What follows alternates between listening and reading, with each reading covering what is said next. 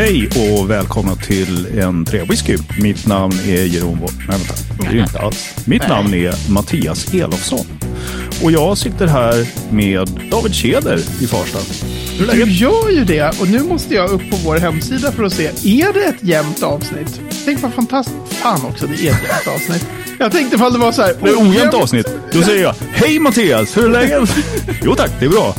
Ja, nej, det är Men vi sitter också här med David Keder i Farsta. Hur är läget? Då har du ju tagit mitt första hej, vad fan. Ja, Ja, men du hej på dig du- Ja, tja. Ska vi Eh, säga något om han holländaren som, är, som skolkar ikväll eller? Ja, vi, folk kanske undrar varför det är jag som sitter här och påar. Det brukar ju vara holländaren som gör det. Ja. Precis. Han eh, är upptagen med annat som tydligen var viktigare. Typ att hans fru fyller Ja, det är oerhört. Ja. Det är så bra också. Vi, Prioriteringen här är skev. Det är så fantastiskt också, för just i chatten hur vi börjar, men ta, gör det där Jeroen. Vi fixar inspelningen sen. Skit i det. Vi, det är, livet är viktigare än någon jävla podd. Och sen i podden sitter vi och bara, jaha, han prioriterar tydligen annat. Ja, så är det. Mm. När katten är borta så blir han dissad. Ja, exakt. Det är sen gammalt. Ja, nej, men så det är bara du och jag idag. Det är och bara hej, vi två. och hej själv. Hur är det Ja, med tack. dig? Jo, men tack. Det är bra. Mm. Eh, Det är fredag när vi spelar in och eh, jag har precis ätit en god middag. Mm. Så att, eh, ja, det är härligt. Eh, Ja, har du något i glaset? Även Jag fast det har bara är vi det. två. Jag har faktiskt något i glaset. Jag eh, kastade mig ner, höll jag på att säga. Jag kollade in skåpen med öppna flaskor och hittade en eh, Lafroig 16. Mm. Som är en sån här eh, flaska i din storlek, höll jag på att säga. Det är inte ens 50, utan Oj. den är 25. 35. Underbar jämn siffra. Ja, precis. Så det är liksom en halv flaska. De gav ut den där till sitt eh, eh, så kallade 200-årsjubileum 2015. ja just det. Då fyllde de 200 år, fast de egentligen fyller 200 år nästa år. Ja, just det. Vi slutar aldrig prata om det här. Nej, men de ska fan ha. Mm. Det, men den är god. Ja, det tror jag säkert. Mm. Mm. Eh, du då? Själv sitter jag här med en eh, Port Charlotte Private Cask från eh, Swedish Whiskey Enthusiasts. Ah, Håkan Staffs fat som Ja. jag fick hoppa in i. Ja. Just Precis. Och den här flaskan har jag fått av dig som betalning för något designjobb tror jag. Mm, just det. Den är ju sjukt bra den här. Den här Port Charlotten, ja. Det var Ja. inte den Brooklyn. Nej, precis. Den jag. Port Den är typ 13-14 år någonting eller något sånt. Ja, någonstans där. Ja, ja den, det, det är mm, Jättetrevlig. mm, mycket bra. Mycket glad att jag fick hoppa Ja. in i det fatet. Ja, det ska det vara.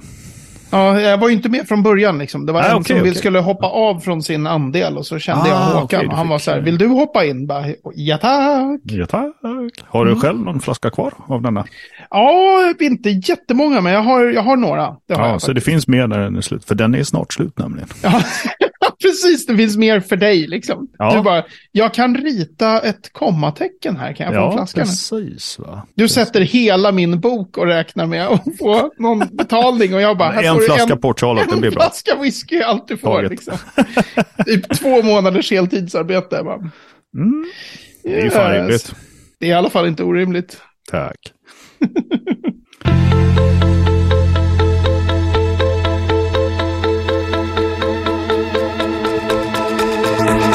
Det här är ju lite ett speciellt avsnitt. Eh, inte bara för att eh, det är bara du och jag som sitter här och pratar, utan Mm. för att eh, det blir kanske mest du och en annan person som kommer föra talan idag. Ja, just det. Precis. Den, den underbara Arthur Motley.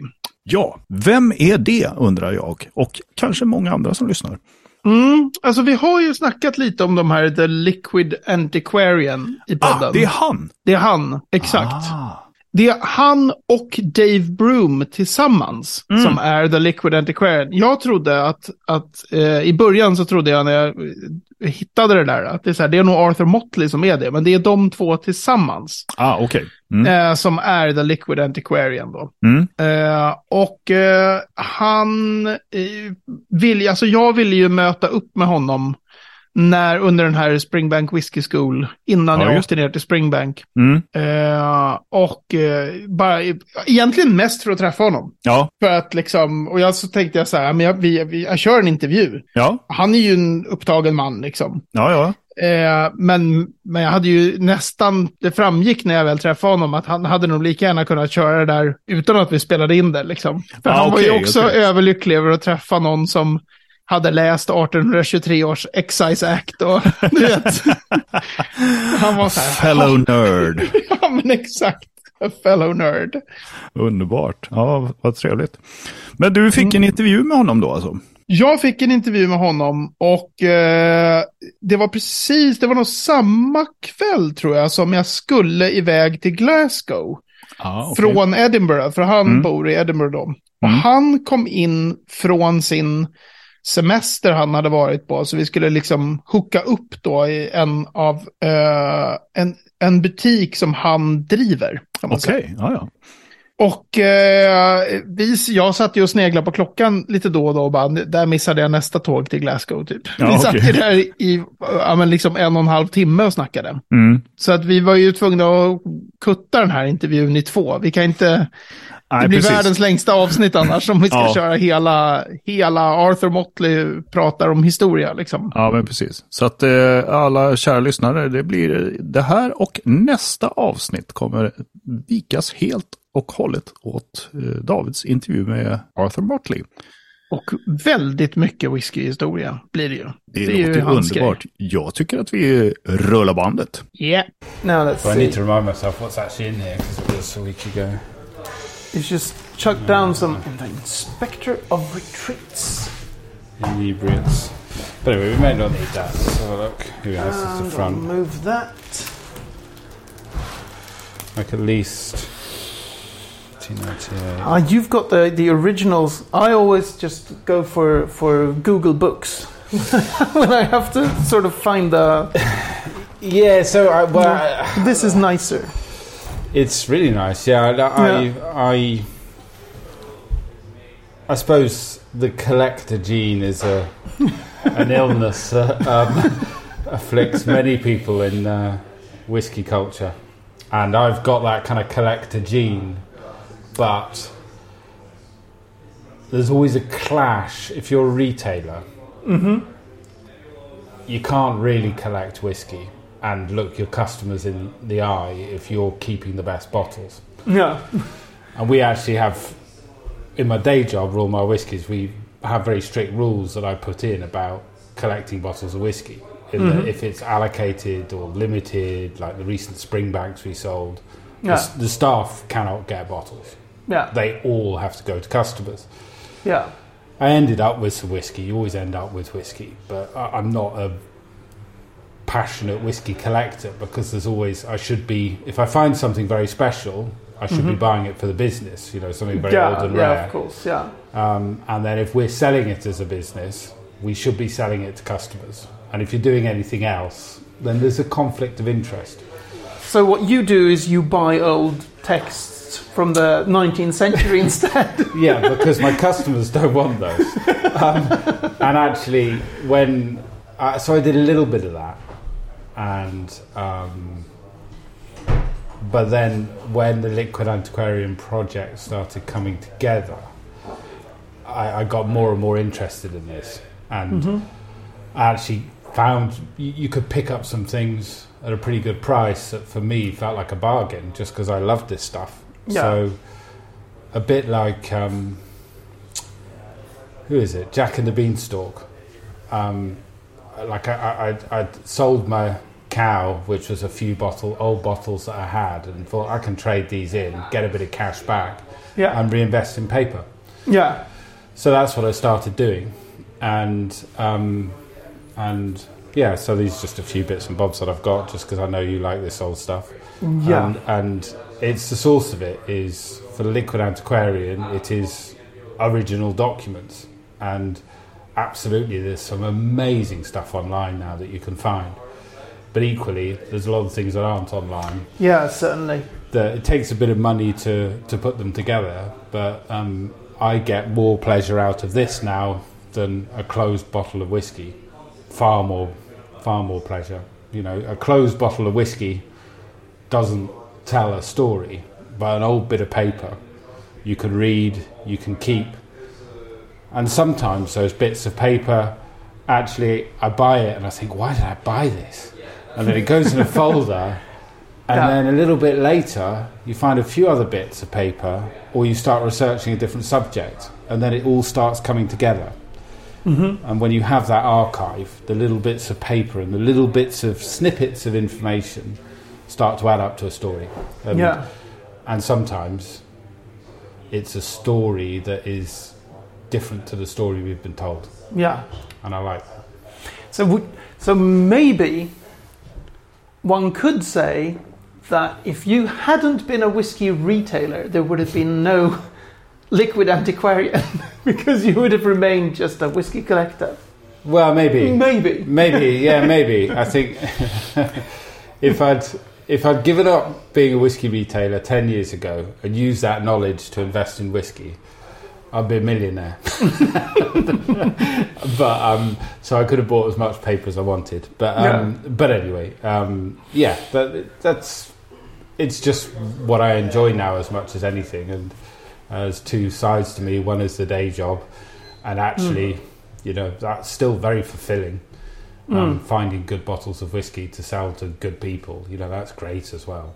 Yeah. And we get to try a lot of things. So, um, but I'm not a gre- great collector and kind of owner of, of bottles of whiskey. You know, you, Yeah. you, if you came to my house, and maybe one day uh, we'll have a bit more time and you can, um, you know, there'll be a few bottles that you might find quite interesting, but it's all in boxes and stashed away. And Yeah. but it's the books and the paper I think you'd find interesting, David. Yeah, yeah, yeah. So if you were to describe just really briefly in terms of like what do you do when you don't do this when you don't do the historical stuff you do what you i know you work for royal mile whiskies but are you, on what are you doing in that I'm the managing director. managing director Yeah, relatively recently I've become managing director, but I've been there. I think this is my twentieth year uh, with the business, and we have Royal Mile Whiskies, Drinkmonger, which is the shop we're standing in now, which is not just whiskey, and we have a cigar shop as well, and we have websites for Royal Mile Whiskies and Drinkmonger.com, and we also have a big wholesale business as well. So we sell principally spirits into bars and restaurants and uh, hotels in Scotland, and that's actually going very well. So my background was as a as a buyer uh, Hmm. of whiskey, especially. Um, my first proper job was buying casks of whiskey for the Scotch Malt Whisky Society. Um, ah you worked for for the smws I did, yeah. Yeah, so out of straight out of university, I had a university job working out, uh, on the bar at the Scotch Malt Whisky Society, and then I re- actually the week I graduated, uh, I got offered a job to stay. I was going to do something else, um, but to stay and buy casks for them and be their cask buyer. Um, so I did that for a couple of years, um, and then they got sold by uh, to Glenmorangie, and at that point I left and um, joined Keir Sword at Royal Mile Whiskies, and Mhm. pretty quickly became their spirits buyer and whiskey buyer. So Yeah. um, did that for a, a long time basically, and um, I was a kind of commercial director role until recently, and now I am managing director. Managing director Yeah. Okay. But the main reason I wanted to talk to you was, of course, the the liquid antiquarian stuff. Like the, it's it's great when you're really geeky yourself, and then you find someone who is as geeky or maybe even geekier. it's Wow. like collectors. You need someone who has more bottles than you, so that you're normal. like I'm I'm not strange. I have this many bottles, and then someone else has way more bottles, and you go, I'm, "This is not. I'm not as bad as this. I'm not as bad." I get so it. So you're yeah. like, I'm using, I'm using you and Dave Broom as like, yes, I am also fairly normal because they are doing these things. yeah, I, I get what you see. I, I get what you mean. And actually, the Liquid Antiquarian thing has been really good for linking me up with people. And actually, when you asked for an interview, I was like, straight away, this David guy. I know this David guy because you were the one of the few that had read the Excise Act of 1823. And you kept popping up and you kept Mm. saying nice things because we Yeah. really, it was a compulsion. It was something we just really wanted to do, but we never really had I- any idea if anybody would be interested in it because it is very deep, it is Mhm. very niche, and we don't skimp on details and um, and freely admit that it may be too much for some people. But Yeah. I've been really just so encouraged and made so happy by the number of like-minded or just interested people that could put up with an hour and a 10 minutes or an hour and a half talking about very very niche elements of whiskey Mhm. um, so uh, yeah i think originally the idea was we would be showing some pretty postcards or just showing some nice objects and just talking about them a little bit um, but actually as we started researching the subjects we realized there were a lot bigger things to talk about and actually to us they were quite important because um, I suppose we were a little bit dissatisfied in some ways about the way that the stories had been told or the, Mhm. the things that had been neglected. Not just whiskey, it was never the intention to be just whiskey. Um, but it turned out that we found things that felt important. Mhm. So, but it's been cool. Like people like yourself. Um, uh, there's been some really interesting archaeologists. There's been some really interesting archivists, professional Mhm. historians who have been very, very supportive, Mhm. um, as well as just spirits geeks who had read all the secondary texts. They'd read all those books, Yeah. and they were still da- dissatisfied, or not dissatisfied. They were delighted that there was more to the story that had been told before. yeah. So, Because you get, I think you get that a lot with with whiskey literature. Like it's a rabbit hole where there there's always more books on whiskey, but quite a few of them are also just well, regurgitate maybe is a too strong a word, but they're saying the same things, uh-huh. and some things have just become reified. Like this is how things were, yeah, and then you know author C says it because author B said it, and author B says it because author A said it, and then you go, but where are the sources? So I think that's for me one of the fun things with with the Liquid Antiquarian that you've really gone to. we wanted to be quite strict with ourselves about going to primary sources. Um, Yeah. And it's no criticism of people like Charlie MacLean, um, who actually I mentioned that I used to buy whiskey for the Scotch Malt Whisky Society. I used to Mhm. organise the tasting panels, which he was the chair of. Hmm. He's been a huge help to me in my life. He's, you know, he is a dear friend, Charlie. Yeah, So I'm not pointing fingers at Charlie, but yes, absolutely. People like Charlie and even Dave have written the same histories, but a lot of them, if you go back to the historiography, would I think be the posh word for it, Mhm. of um, go back to where their sources are. It does come from people researching primary sources, but I think for a different purpose. yeah, So people like Moss and Hume writing the history of Scotch whisky, or the chap writing the history of the Distillers Company. yeah. Weir Yeah, something. Yeah, yeah. So it actually there are there were guys who did amazing research, which is the foundations for how we understand whiskey. But they were doing it at a time when we, um, well, whiskey culture was very different, um, and it was largely, as many histories are, how did we get here?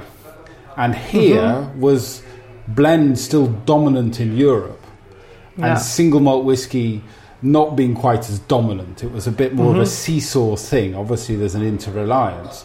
But those histories were written as the, the, the grand histories of the industry that got to this point in what, the 90s or so, or the early 2000s. And actually, whiskey culture now and how people love whiskey is very, very different. And what they're interested in is very, very different yeah. and um, and particularly if you look at the 19th century, um, uh, that is, you know, just so much more interesting. And I think just general culture, the way that the internet in particular has allowed people to zero in on their interest, Yeah. uh, um, makes something like this possible and to find its market or its listenership or whatever it might be. So, um, yeah, it's just we're still looking at the same histories written at the end of the 20th century, but whiskey in 2023 or the way people consume even general history is so different. Yeah.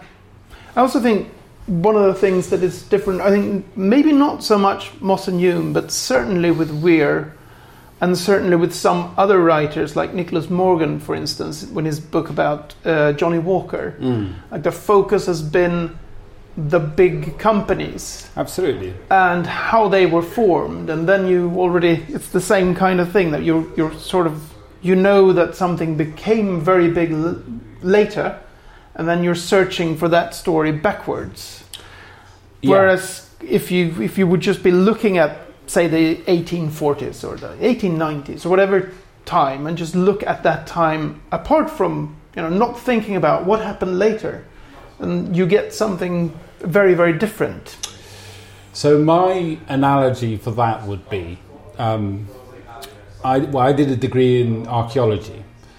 I don't link it to liquid antiquarian because, well, we use the word antiquarian, Yeah. and that is very deliberate because we wanted to say we are not historians. we Yeah. get that. We were nervous about that.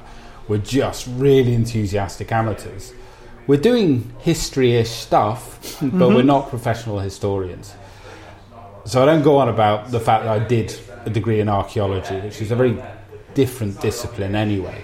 yeah But within archaeology, one of the most fulfilling topics I did was human origins. Mm-hmm. And that way, there's a good parallel here with what you just said about the history of the big companies. How did Johnnie Walker get to how Johnnie Walker where it was? And that's a bit like how did um, how did um, how did apes, monkeys, pre-hominids become humans? yeah and that almost becomes like a religious tree of how you get to that point as if that end point was a was the pre- point. was yeah was a, a, destination that was agreed that's what Yeah. i mean by it being religious Yeah, yeah, yeah.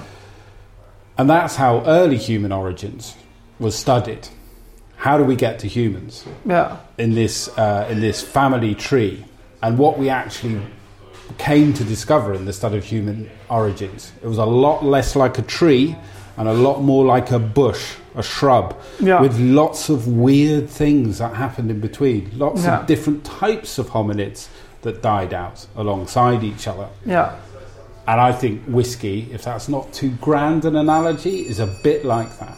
And in the mm-hmm. 19th century, there was all sorts of weird things happening, lots of different approaches that died out, mm-hmm. and it wasn't predetermined that whiskey would win the world and that single malt would be amazing yeah. and that single malt would be revered. It all could have gone a very, very different way, and there were lots of elements of mm-hmm. chance that happened along the way. But I suppose our love for whiskey gives us the idea that, of course, whiskey is brilliant. Of Yeah. course, it should end up this way and made Yeah. this way.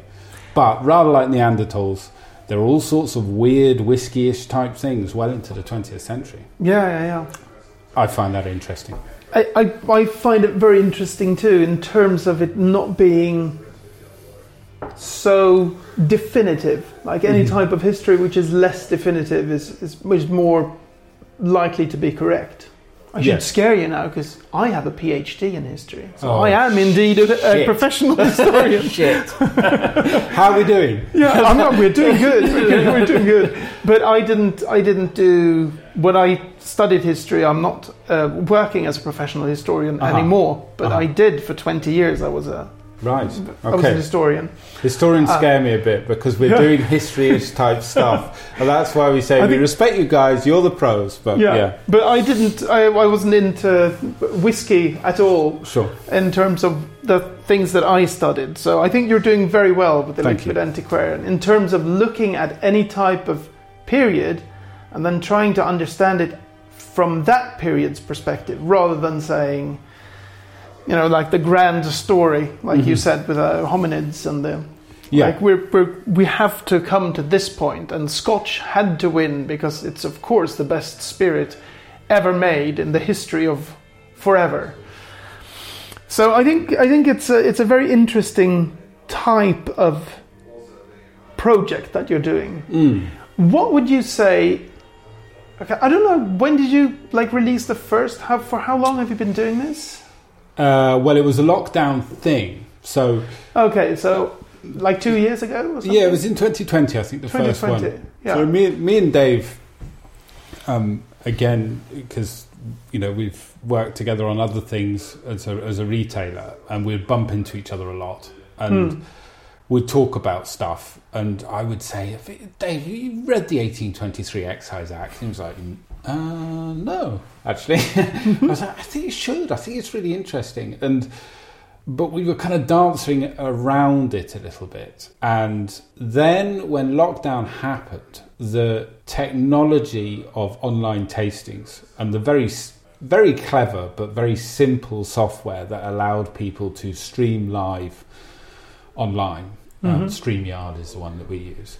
That that came started to be used. I think I did. Our, we did one of the first actually with Adelphi Mhm. um, as an online tasting, as people were desperately trying to find ways to talk to, to people at home. Um, that was a kind of light bulb. I was like, Dave, we could we can put the documents on screen. We can talk about them. Um, so that technology and the fact that were people were starting to use it, and also they were captive. of course. Yeah. we made the most of them being bored by producing the most boring. no, it's not boring. It's not boring, but um, it maybe people had an attention span that allowed us to kind of launch it. So we did the Yeah. first one um, then and kind of took it from there, basically. Mm. But what would you say, like looking at it now, if you've been doing it for maybe two and a half years or two years or something, what what would you say, apart from things that you already know that you haven't made episodes about yet? Like, Mhm. what's the biggest surprise for you in terms of the whole? Because you did the the Excise Act, you did the different stills, you did the bub, you did the. I'm thinking like, what difference?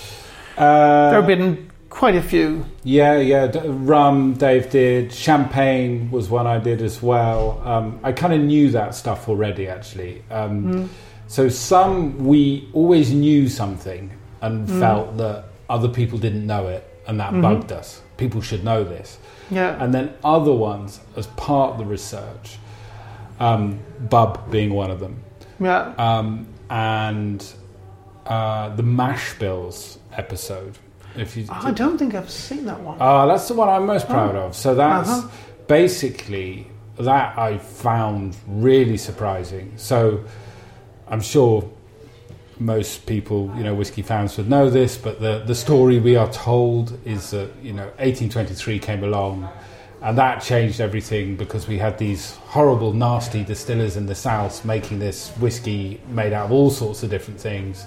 No one liked it, but there were these heroic illicit distillers in the north making single malt whiskey effectively hmm and it tasted so good that the government ultimately had to change the law to allow their whiskey to be made legally and profitably and rada rada rada. hmm You know that story. Yeah, yeah, yeah. So looking into it, what I found out that, and I am waiting to be challenged on it. Um, but in this episode, it seems that as soon as they legalise this, the vast majority of distillers in Scotland actually then switched, or maybe they were doing it already, to um, making mixed mash bill whiskey as well as single malt whiskey. So all the big names, Macallan, Highland Park, Yeah. and started making mixed mash bill whiskey basically alongside single malt whiskey. Why? That's still to be answered. But I Mm-hmm. think it is probably a tax fiddle. And, yeah, yeah, yeah. Um, and certainly the Irish were complaining a lot because they felt something was, was up, basically. Um, but I that was a real surprise to me. That um, and that, as far as I'm aware, has never been written about. But Yeah, cool. is in government excise records, and that stuff is it's very hard to argue against Yeah.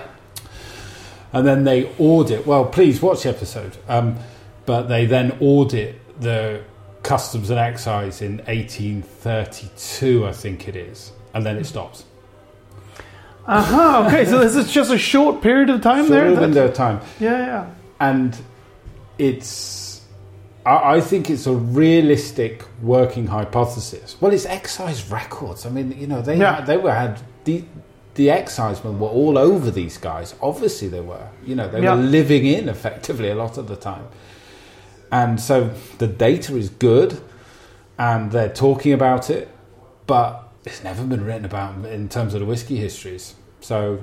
Yeah, Yeah, I, I'm almost cool doubting one. myself. but, Yeah. um, like, is this real?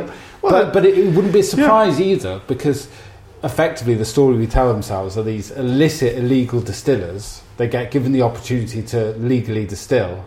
And we're really going to expect them to do everything legally? Yeah. not- you know? yeah. But there's also, I think, in, in that story, uh, it's fascinating if you if you listen to like quite early documentaries about Scotch.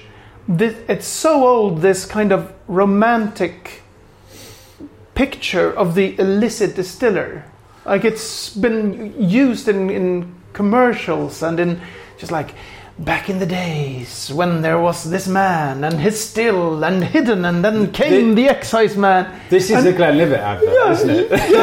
this, this is Glenlivet. yeah they, they they've done that but it's been a lot i think used in in whiskey history it's always fascinated me like but that was ages ago like the the age of the illicit distiller is, is it's, it's always had this sound as if being almost like yesterday but why this romantic image of it was illicit it was illegal?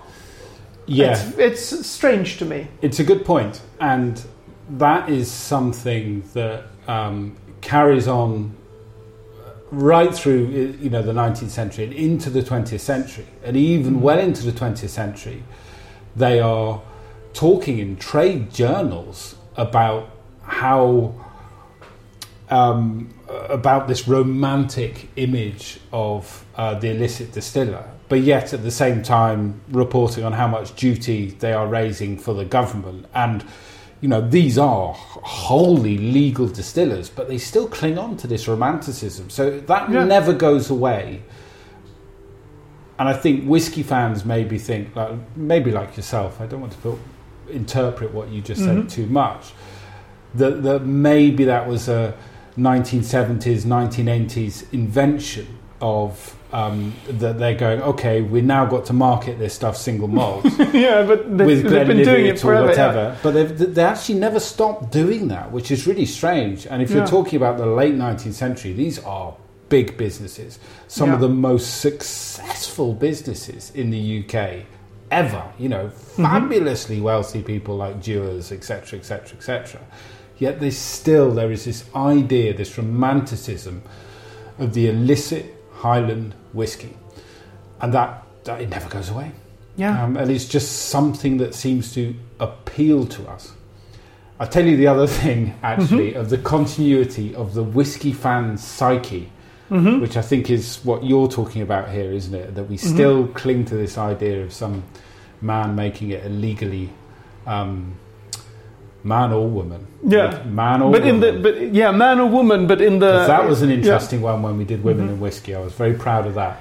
Although technically, we, Dave's microphone didn't work very well, but the Mm-hmm. research, I was really happy with that. But Mm. the other thing about the continuity of the whiskey psyche is however far back you go, people always say that whiskey is not as good as it used to be. I was going to say that. this is what's coming now. I was thinking, yeah, And um, yeah, I, I was. I'm trying to think what my earliest one is that I've seen someone saying, "Oh, whiskey, it's not as good as it used to be," and I'm pretty certain I've got into the late 1700s, um, which is which is about and it, Yeah. it pops up again in Yeah. just after 1823. It pops up all the way through the 19th century. Oh. Whiskey's not as good as when I first tried it, and I think we're always chasing a certain whiskey we had from before. Yeah. And look, I'm not. I know whiskey has changed in the 21st century and in the 20th century, and I'm not denying that you can say that maybe the whiskey of the 1960s you could say was better. But Mhm. I always, you know, to people like Angus McGrail or someone Mhm. like that, when they Mhm. say modern whiskey is not as good, no, well, that was always the case. Yeah. But it's also, I think it's also that's a case when you have to be very precise. If you go beyond just whiskey was better before, if you start saying, okay, but when was before? yeah, Because that's the historian in me going, Mhm, yeah, mhm. well, to, to just chase a generally golden past Mhm. is just something that, that people have always done. Yes. Like when, when I did my PhD thesis, it was about ideas about men and masculinity. okay, And so I studied, say, the 1780s up to around 1900, and men were always more masculine before. yes, Like, and it's always a crisis. Like men now are so confused; they don't know what you know what to, how to be a real man. But like in the olden days, Yeah. so the same thing with whiskey that it used to be so good. Yeah, yeah. And um, that's really interesting. And your PhD was a little bit ahead of its time as well, because right now there is a crisis of masculinity. Yeah. And, like, yeah, because we're so confused now, but we used to know. I'm not. I'm very comfortable. Yeah, Um, the um, so uh, what's I going to say there? I think that that idea of the illicit distiller and the Highlands and Mm. and that feeling, it's a feeling that people have had for a long time. And I just wonder, and I'd love to speak to um, a historian who knew a lot about urbanisation in the central belt in Scotland, or even in London, or the big cities. You've got Mhm. the Industrial Revolution coming, which, if that happened in the space of one or two generations, you know, your, your, your, your mother's generation, your grandfather's generation, that went from there to living No. a, a totally rural existence to these new hellholes of Yeah. cities of you know in Glasgow and Edinburgh or wherever it might be you know Manchester London Mm. that feeling of some pure spirit that was made beyond the wall, you know, up in the highlands, and the purity of water when actually a purity of water where you lived, you know, you were living in potentially in these fetid, disgusting cities. yeah, I, I can believe that that idea of something pure, made non-industrially, mm-hmm. would have been very emotionally powerful yeah. and then I guess it just kind of gets fixed. Mhm. And I think possibly it carries on because um, the industry have always been pissed off at how much tax they pay.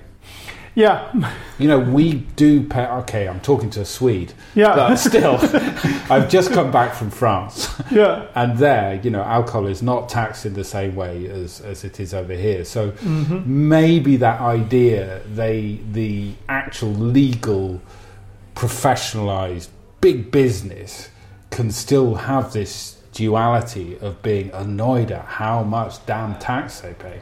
Yeah. maybe. So that's how it can kind of carry on the idea Yeah, that yeah, yeah. smugglers were the heroes even though smugglers are have an unfair advantage in a market because they don't pay any of this damn tax. I don't know it's, it's a, it's a weird it's a weird thing. And possibly paying into that you know is scotland's role within um, the empire and great britain a bit as well Yeah, you know, yeah. it's a scottish product who knows That's another thing in, in terms of whiskey history, which has always annoyed me. Like the way the way some histories, at least, tend to say, well, the Irish were really good at making whiskey, but then, you know, we beat them. Uh, we, the Scots, and and you talk about this whole the the blight, the wine louse. Is that the oh um, Phylloxera. phylloxera, yeah. And and then you say something like, yeah, but they didn't understand that they should be doing blends in Ireland, so therefore we won. And I'm like, what about imperialism and the, the war and the things that the, the the just like the whole Scottish or or United Kingdom industry did actively to just attack Irish whiskey, but that doesn't really fit into this nice image of, you know, Scotland winning. Yeah. So oh. there are things like that, I think, in whiskey history which needs to be illuminated more. The power struggles. I haven't had time to look at phylloxera enough, but people other than me who, who do this research thing, they say that the importance of the wine louse and, and phylloxera is way overdone when you consider the success of Scotch whisky. Yeah, sure, it's a factor, yeah, but it's, it's not a it's not a massive factor. It, it the success was not built on that. yeah, But you're quite right. If someone's doing their little bit of history, they say 1823, they say blending in bond, which again, that one's a bit iffy. Um, we need to look at that a bit more. They say um, phylloxera, um, prohibition. prohibition. You know, there's some nice stories to tell there. They get Yeah. a few laughs in a presentation, and just like phylloxera, ho ho ho, we beat the French Yeah, and Irish whiskey. They Yeah. had to distill it three times because they, they they weren't good enough to distill it twice. yeah, yeah, that yeah. kind It's of classic joke. Yeah, exactly. It all fits in a nice little bit. We've done the history bit. Now let's get on to something else, and it, it's way simplified. Mm-hmm. And um, yeah, I'm nervous about talking about Irish whiskey too much at the Yeah. moment, but it it is all very linked in. Yeah. Absolutely. And you mentioned the government. Um, actually, you've got to look at DCL as well. You've got to look Mm-hmm. at um, what they did to Irish whiskey. Yeah, Um, you know, they bought up a load of distilleries and then shut them down. yeah, yeah. and uh, and they had a major role in, in, in knocking an Irish whiskey on the head for a while. yeah. Um, and that's maybe a bit harsh. They were incredibly successful business Yeah, with Scotch whiskey as their heart, and that's what they chose to do, and they succeeded. You know, Yeah. they wanted a monopoly. The Scotch whiskey distillers wanted to, to monopolise the sale of whiskey around the world, and they had a damn good go at it. Yeah, and I think I think that's the thing that that it doesn't detract or it doesn't take away. What it, what it does take away is kind of the romantic side of it, but just that that someone was mean in winning something doesn't doesn't take away like that it's uh, an achievement No, so to speak. But it would be surprising, like if you read whiskey history, you have people like flipping distilleries, for instance. Mm-hmm. Like people now who are like angry at people who, who are f- bottle flippers, and, and I am one of them. But like looking at even the big companies historically, you're historically, they angry were or you're a flipper. Uh, no, I'm angry with them. I don't like them. but but like you can you can see that the behaviour of people throughout the, the Scotch whisky history is not always like laudable. But why would it be? That would be so surprising. No. if you have something extremely profitable, uh, why would everyone who's in it just be idealistic? Fantastic people. that would be strange, wouldn't it? it, it would, and you know the way they the rules were different as well, Yeah. um, and um, a- and they're quite open about the way they talk about it, and I'm slightly um, nervous about talking about exact dates, but some of the ways the big five was it? I think the big five. Yeah, I'm always like the big five, the big four, the big I think five. it's big five. Yeah. um, the way they spoke about it is basically like OPEC. You know, Yeah. speak about oil. You know, Yeah. that's they had an aim, and they also wanted grain whiskey to be a huge part of their business model, Mm-hmm. and um, and they wanted the malt whiskey distillers to be beholden to them. You know, Yeah, that was their strategy. And I still don't like that because in my business life, malt whiskey is the core of what we do. You know, very Mhm. much the core of what we do. Um, but you know, the 1908 Commission, I think they got that wrong, Yeah. and they are very, very different drinks. Yeah. And um, and I would have preferred if that had gone another way.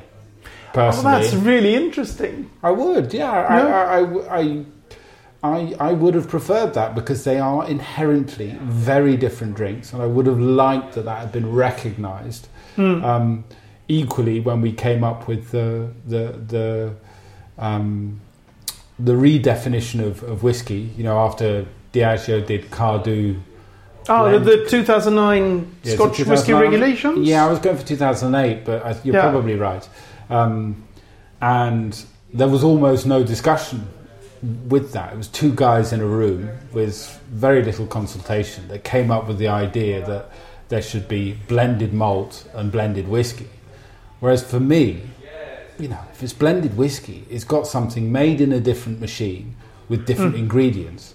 It's a different bloody thing hmm and I, I feel that was that was just wrong, basically. Just the whole thing of, of calling it blended malt? yeah, Or, yeah, yeah. and and customers don't get it, Yeah. and this is where I'm talking about my professional life as Royal Mile whiskies. Yeah. You know, blended malt whiskey is delicious because it is malt whiskey, hmm but you try telling that to a customer in the shop. You know, they've come in and they've said, "I want to get a really nice single malt whiskey for thirty pounds," which is difficult now. Yeah. So our guys who are driven by what things taste like say, well, here we go. We've got these great products like Campbeltown Loch. Okay, you can't get any Springbank, but this is Mhm. Campbeltown Loch. hmm It's made of uh, Kilkerran, Longrow, and Springbank. hmm I mean, it's going to taste delicious. It does taste delicious. Yeah. It's a blended malt. And the customer, oh, no, blended. I don't want blended. I don't want Yeah. blended. And, and suddenly they won't buy it. And there is, there's been a confusion from that legislation. Yeah. Whereas ultimately, my start point, and I'm not saying it's right or wrong, other people are allowed to be wrong. Um, but what is it made from? How is it made? And therefore, what does it taste like? And Yeah. so I, I think malt whiskey is a separate thing. There ain't nothing wrong with blended whiskey. Sorry, blended malt. Hmm There's nothing wrong with blended whiskey either, but it's a different thing. Yeah. I love single grain whiskey. Certain single grain whiskies are delicious, but it's a different thing. Yeah. Anyway, That's interesting, and that, I think I think one of the things that would be cool to research more, and one thing that I think you should do an episode on for the Liquid Antiquarian would be to really go through the whole "What is whiskey" case. But Yeah. that's like two thousand pages or something. Have you I read mean, it? it's uh, no. Oh, I I have them as as PDFs, Mm. and I use them to search for words. yeah, Because just to read them, no. It's so it's just it's great. I should have Yeah. bought it in. I did buy uh, 1908, and it's um, it's great. There's so much interesting stuff in there, and it was really thorough as well. They really spoke to a lot of people, and that's why my Mhm. comparison with 2008, 2009, I can't remember. I associate it Mhm. with John Glaser, and, and talking to John Glaser about it, he gets really annoyed yeah. of Compass Box. hmm What they did there was really thorough. They spoke to an enormous amount of people. And Yeah. th- it's fantastic reading. And absolutely, I bought it because I'd love to do an episode on that. But unfortunately, I'm just in love with the 19th century. I, I can't get out of the 19th century. Yeah. and and it's, it's there, it's there to be done. And, um, and there's so much. And it wouldn't just be one episode because um, No, reading I mean, the Excise Act is boring and it's really hard work. Reading the 1908 is superb. Yeah. From start to finish. You Yeah. can skim I- over a few bits. Yeah, because I think what what I've read bits and pieces and Mm. really enjoyed it, Mm. but just like reading Barnard, you're just like after a while you go, oh, It's, this is too very, it's very formulaic. Yeah. yeah. But I think one of the things that I liked about the What is Whiskey case is uh, I can't remember if it's in many places, but they use charcoal in the wash still Yeah. for to, to not get the frothing. Yeah. Which is like uh, whiskey is made out of three ingredients, you said. Mm. well, So that's that's one of those things that, that for me was like, this is so cool. So you can speak to distillers um, today who, okay, they're guys on their lap of honour and they've d- had a long career in whiskey, but the guys who work with charcoal. Yeah. So that that, that has existed and, until Yeah. we, oh, I don't know how long, but until a long time. Yeah, for a long time. Ja, det där var ju alltså då första halvan av eh, intervjun med Arthur Motley. Eh, nästa halva får ni i eh, nästa avsnitt av En Trea Whisky. Det låter ju sjukt spännande, verkligen. Ja, det är ju det som är så bisarrt när man sitter och pratar med honom sådär, är att varenda grej som vi båda två kommer in på, känner så här, när jag har lyssnat på det i efterhand på det här samtalet, så känner jag så här, gud vad vi hade ett kort och ytligt samtal. Okej. För att det är så här, inte ett ytligt samtal, men just det här med, man pratar, vi hade ju en bit där när vi snackade om idén om smugglaren. Ja, Att, att whiskybranschen alltid har eh, romantiserat tiden ja, då det smugglades whisky, då det var olagligt. Liksom. ja just det. Mm. Och att det är så här, det har man gjort i över 120 år. Och på romantiserat Ja. smugglare, så här, där känner man ju bara, ja men det här måste ju någon skriva. Det här är ju minst värt en bok i whiskyhistoria.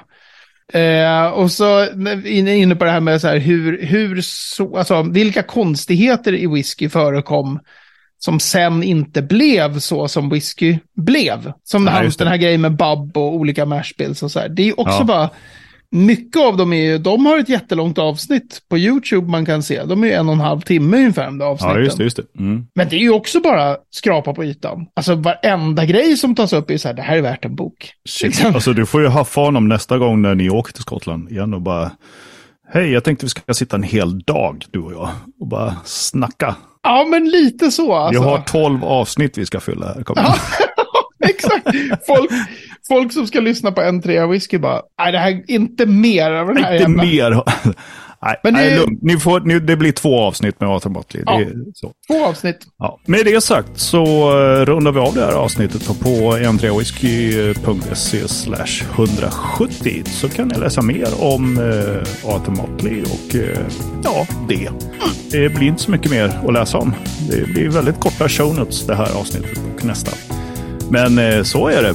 Desto Eh, bättre var ju avsnittet antar jag. Ja, exakt, exakt. På eh, facebook.com slash så kan ni komma i kontakt med oss. Eh, Skriv gärna eh, önskningar om vad vi ska prata om i programmet. Eller ställ frågor eller eh, säg bu eller bä. Det går bra. Vi finns på Instagram. Eh, sök på en whisky så kommer vi upp där. Eh, där kommer det komma en bild på Arthur Motley. Kanske. Kanske sannolikt. Ja, Och så Och- brukar Jeroen alltid säga mejla till hej att en trea whisky. ja Det är precis. ju, vi är ju så förvirrade utan pappa här. Ja, herregud. Programledaren är borta och då blir det totalt kaos bara. Men gör det. Maila på eh, hej whisky eller gå in på vår hemsida och prata. Det finns, en liten mik- det finns en liten mikrofon längst ner. Man kan prata in meddelanden. Det är skitkul, tror vi. Det är så bra, Eh. vi är så här superentusiastiska varje vecka. Det är skitkul! Alltså, va? ingen. Exakt. Jag tror att det är en som har gjort det någon gång. Ja. Ja. Skitsamma. Eh, vi hörs och syns nästa vecka. Hej.